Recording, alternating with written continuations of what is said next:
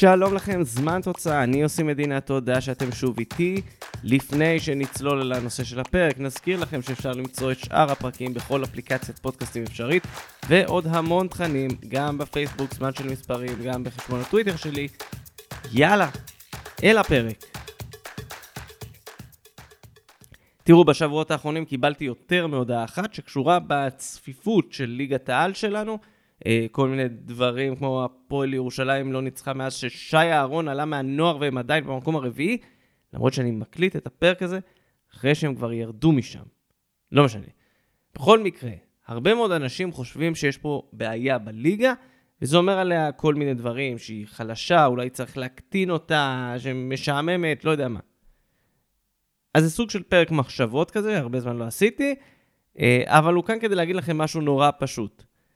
שמעו חברים, אני יודע שיש לכם מלא תיאוריות סביב הדבר הזה, אבל כולכם, בלי יוצא מן הכלל, כולכם מדברים שטויות.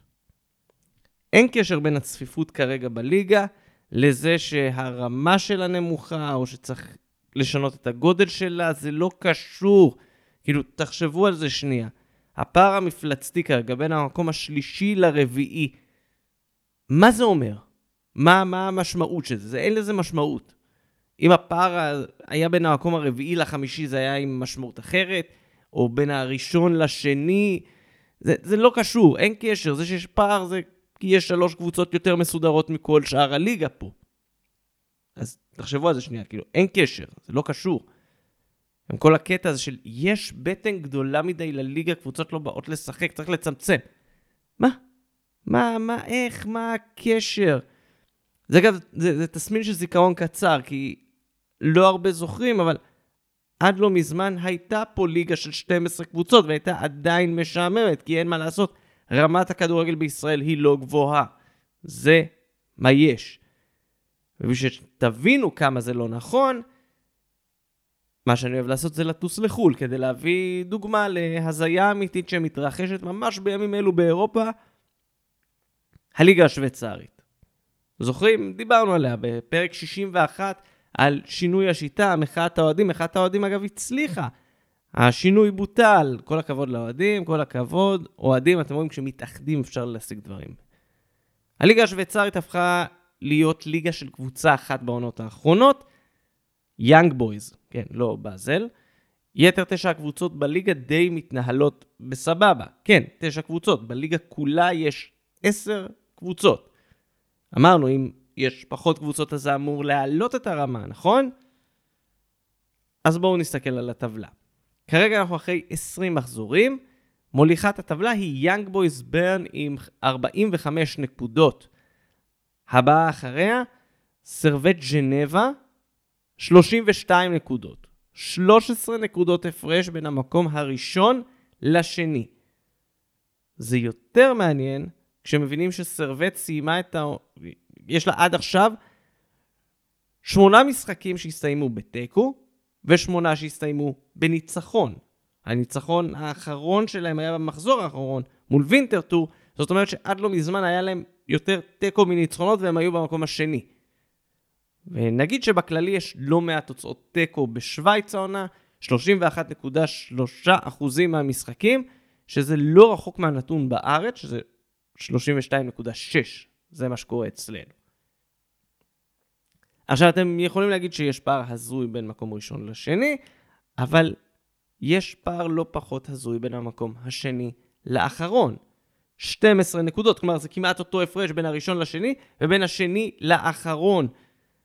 שנסביר, מקום שני זה מקום במוקדמות ליגת האלופות, מקום אחרון זה ירידת ליגה. הפתעה גדולה. במקום האחרון נמצאת כרגע וינטרטור עם 20 נקודות, היא עלתה ליגה מהמקום הראשון בעונה שעברה.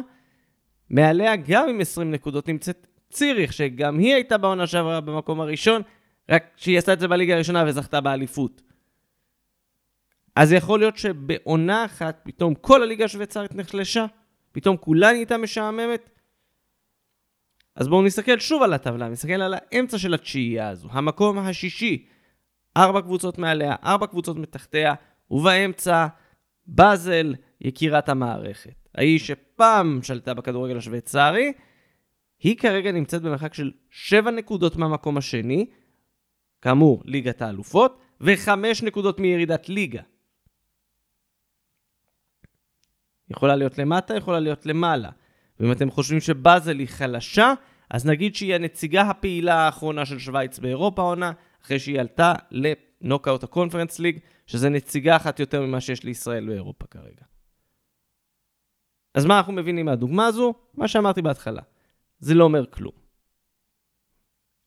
הפערים האלה, זה לא אומר כלום, אין לזה משמעות. אל תנסו לתת לזה איזו משמעות שהיא לא באמת קיימת. עכשיו, יכול להיות שהליגה באמת חלשה. יש מיליון ואחת סיבות, יכול להיות שבאמת רמת השחקנים פה לא מספיק טובה, יכול להיות שהמאמנים פה פחדנים ולא משחקים כדורגל, יכול להיות שצריך להקטין את הליגה. אגב, לא תצליחו לשכנע אותי שצריך להקטין את הליגה, אין לזה קשר. ואולי זו פשוט עונה כזו, מוזרה, קורה דברים כאלה. זה יכול להתבטא בכל מיני צורות עונות מוזרות. למשל ב-2015-2016, שהפועל באר שבע ומכבי תל אביב רצו ראש בראש לאליפות, ושתיהן עשו קצב צבירת נקודות מטורף. יכול לקרות, יכול לקרות, הכל יכול לקרות, זה מה שיפה. היא עונה, יש לה את הדינמיקה שלה. והדינמיקה של העונה הזאת היא קצת מוזרה. חוץ מזה, לא מסיקים מסקנות אחרי אמצע הדרך. מספיק שבית"ר ירושלים או מכבי נתניה נכנסות לפורמה טובה, והן כבר בפורמה טובה נכון למועד הקלטת הפרק הזה, ופתאום דברים ייראו אחרת. יכול להיות שקבוצות תחתית יהיו ממש חלשות, ואז הפערים יגדלו. אלה דברים, אגב, שקרו יותר מפעם אחת בעבר. אז כאמור, לא צריך להשתולל למסקנות. ולאן ממשיכים מכאן? פשוט נשכבים אחורה, נהנים עד כמה שאפשר ליהנות, בכל זאת כדורגל ישראלי, ונזכור שבסוף יש דברים, ויש דברים טובים בליגה הזו, גם אם היא נראית העונה טיפה יותר חלשה. פשוט תהנו.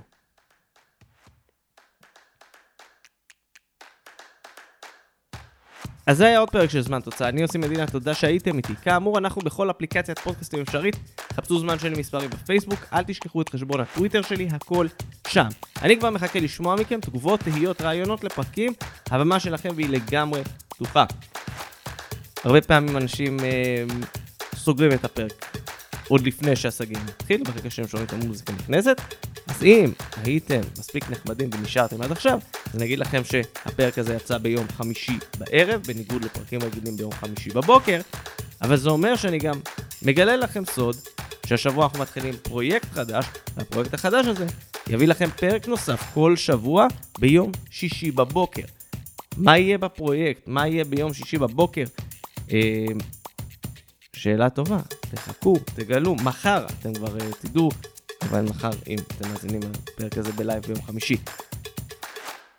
אז אם uh, המילים האלה, אתם כבר מבינים, יהיו עוד פרקים, הם כבר בדרך אליכם, עד אז, ביי בינתיים.